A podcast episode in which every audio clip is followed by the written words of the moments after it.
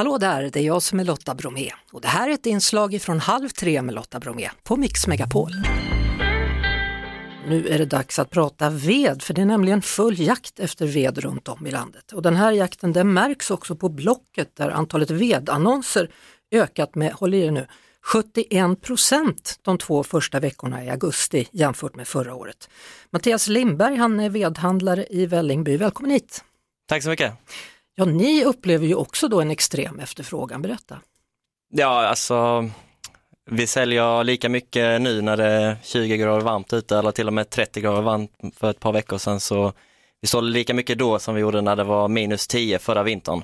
Eh, eller till och med mer, eh, ja. vilket eh, det är helt orimligt. Ja det är helt orimligt, ja. men det är så det ser ut. Och, och då är det färdigtorkad ved som folk är ute efter, har ni någon kvar? Ja, vi, vi får in leveranser lite hela tiden och eh, just nu så får vi in ungefär så mycket ved som vi säljer, som tur är. Men eh, vi vet hur det kommer se ut resten av september och det kommer, det ser bra ut liksom. Vi verkar få in så mycket som vi behöver men eh, oktober och framåt, det, jag vet inte, det kanske tar slut, kanske inte. Vi så får det, se. Det som kommer hända nu är att folk kommer börja hamstra ved då? Eller? Ja, det, det, är det, det är det som har börjat. Aha, för, det, ja. det började då i alltså början på augusti nästan till och med.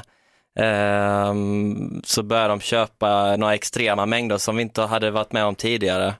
Um, och det roliga är att det är alltid så här flockbeteende, liksom att det kommer allt på en gång. Det lite så funkar det. Det kan vara kanske tre timmar på morgonen som vi säljer hur mycket som helst och sen är det tre timmar efter det som vi säljer typ ingenting. Mm. Och sen kan det vara, alltså så, det går lite så hela tiden på en dag. Hur, hur mycket har priset på ved ökat?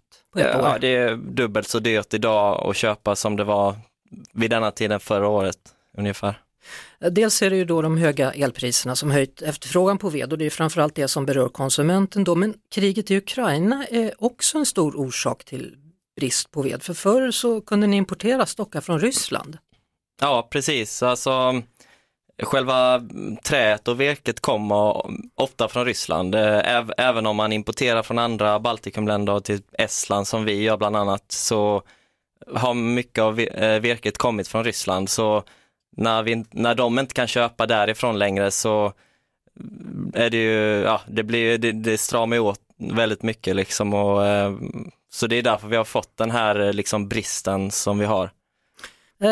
Man tänker ändå, alltså Sverige har så mycket skog, är det inte bara att gå ut och hugga ner? Eh, ja, alltså man kan ju tycka det, men eh, det krävs ju mycket mer än bara skog, utan man, det krävs en stor anläggning som har eh, rätt utrustning för att kunna göra jobbet och få ner det till ved och kunna torka det rätt och få ner det i påsar som många vill ha och alltså hela den biten. Så det är inte bara att även om, även om, vi, även om jag skulle ägt en skog eh, i närheten så, ja, vi kanske skulle använt den, men det är inte så lätt. Eh, så det har ju med det att göra.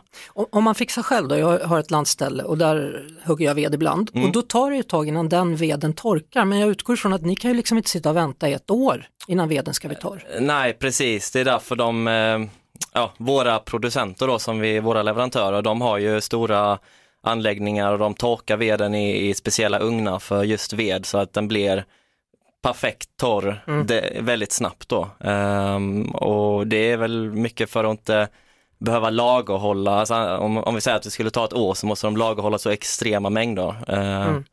Och det har man oftast inte plats för och sen får man ut även mer energi från veden om man torkar det i ugnar än om man torkar det i luften. Så... Men du, finns det något alternativ till björkved eller är det bara björk vi pratar här? Eh, nej, det finns alternativ. Lite gran och grejer håller ju folk på att elda, men eh, de, de flesta, alltså i princip alla vill ju ha björk. Det, det är egentligen förstahandsvalet, men... Eh, För att? Alltså det, det, det, brinner, det brinner bäst och det... det, det Annars knastrar det ja, kan jag exakt. säga av erfarenhet. Ja, exakt. Jag har försökt elda med lite gran där, det går ja. ju sådär kan man säga. Ja, precis. Du, eh, avslutningsvis, då, jag har förstått att många bunkrar, jag har till och med läst om folk som planerar för vintern 23-24 redan mm. nu. Vad, vad, är ditt råd då som vedhandlare? Ska vi verkligen planera så långt innan? Eh, alltså privatpersoner skulle jag säga nej. Eh, alltså kör på er så ni har till, till vintern eller en bra bit in på vintern men mer än så så skulle jag väl inte, till, inte till nästa år, om, man, om det inte är så att man har jättemycket förråd och grejer och kan lagra, ja då, då kanske det kan vara bra. Men sen mm. är det ju också att vi vet inte hur det ser ut nästa år. Kommer priserna öka eller kommer de kanske till och med minska mm. till nästa år? Det vet man inte. Handen på hjärtat, eh, Mattias Lindberg, vedhandlare i Vällingby. Hur ofta hugger du ved?